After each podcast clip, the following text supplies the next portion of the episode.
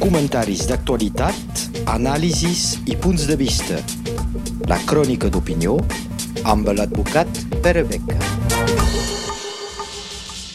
Bon dia.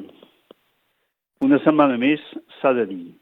Espanya continua sent considerada com membre democràtic de la Unió Europea, llavors que no compleix ni la norma bàsica d'aquesta Unió a respectar la llibertat d'expressió d'opinions polítiques. Nou presos, entre els quals en Junqueras, que hauria de gaudir de l'immunitat com diputat europeu i que encara està a la presó, com en Puigdemont, en la Ponsatí i en Comín, que no poden fer normalment campanya pel 14 de febrer les eleccions vinent, sinó a considerar que potser s'hauria de fer alguna reunió a la Catalunya del Nord, però en condicions molt difícils degut al problema de, de sanitat pública. I tot això per què?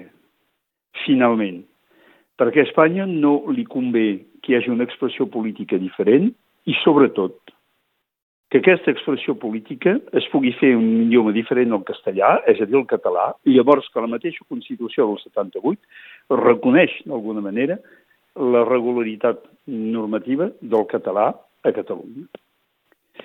Aquest problema de l'Estatut de la Llengua, aquest problema posa molt nerviosos els polítics i ens hem de preguntar per què això ha de ser un problema, llavors que hauria de ser una riquesa, hauria de ser un objectiu. I, evidentment, és una qüestió política, en tot el món hi ha quantitat, milers d'idiomes considerats com inferiors, suposo entre cometes, i almenys submesos en un idioma considerat com superior o per almenys dominant. I això, la mundialització ho ha agreujat àmpliament. Mundialització lingüístics. Va començar potser pels efectes de les invasions, els romans van imposar el llatí, després la colonització al segle XIX i al segle XX. Aquesta colonització basada en què?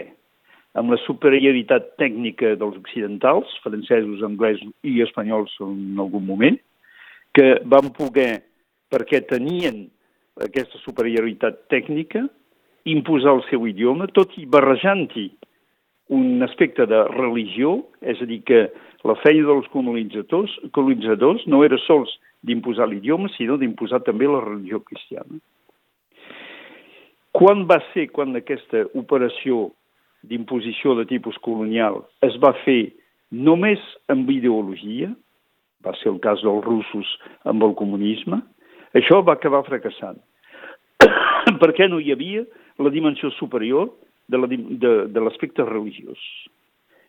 I avui dia el nou paper que imposa la globalització de la comunicació i la desmaterialització d'aquesta mateixa fa que cada dia més s'imposen idiomes majors, que són els de la potència tècnica, és a dir, l'anglès, però tan segurament a l'altra part del món, el xinès, que s'està convertint en una eina de comunicació globalitzada perquè detenen el poder d'imposar les seves tècniques.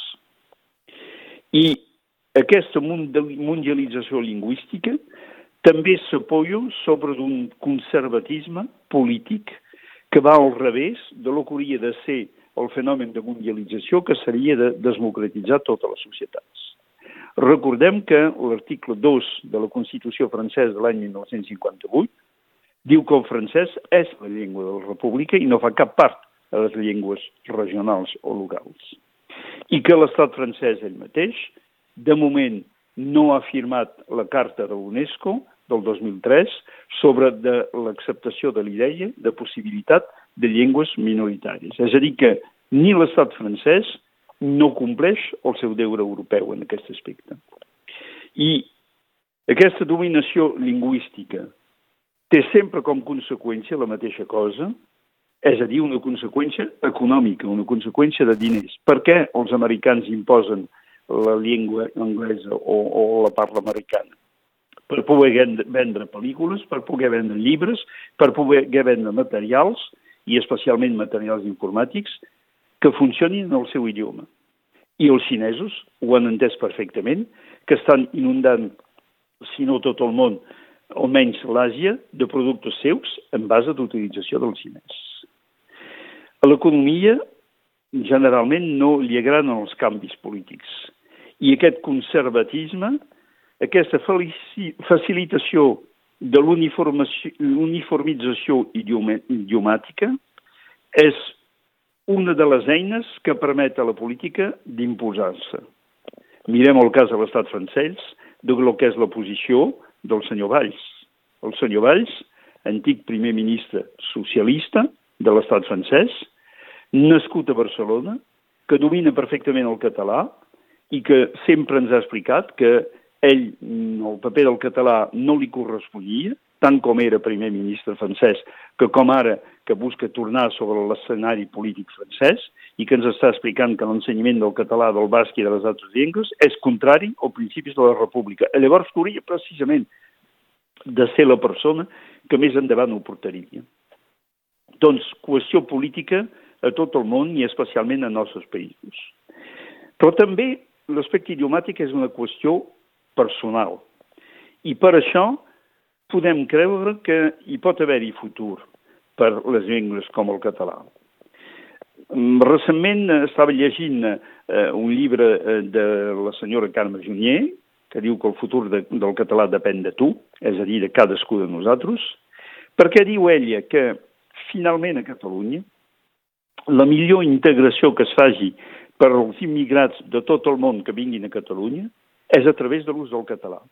I que potser, si el percentatge prou baix en aquests moments, parlem del Principat, ni parlem de Catalunya Nord, però si el percentatge prou baix eh, va aixecant-se una mica d'utilització del català al dia al dia, és perquè precisament una classe d'immigrats han considerat que per entendre el país, per integrar-se al país, per saber què representa la història de Catalunya, havia, havien d'aprendre i de parlar el català.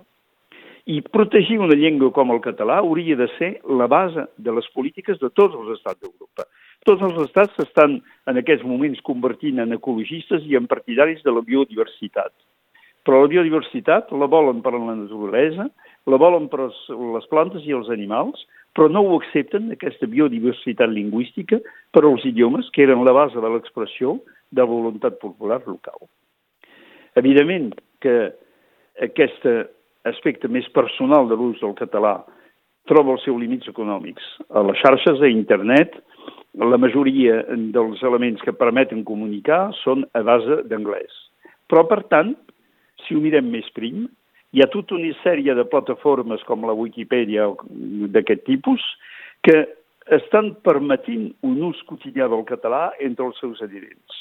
I això vol dir que fins i tot un idioma que no és reconegut com llengua nacional, però que és una llengua oficial de Catalunya, permet d'expressar-se amb les xarxes.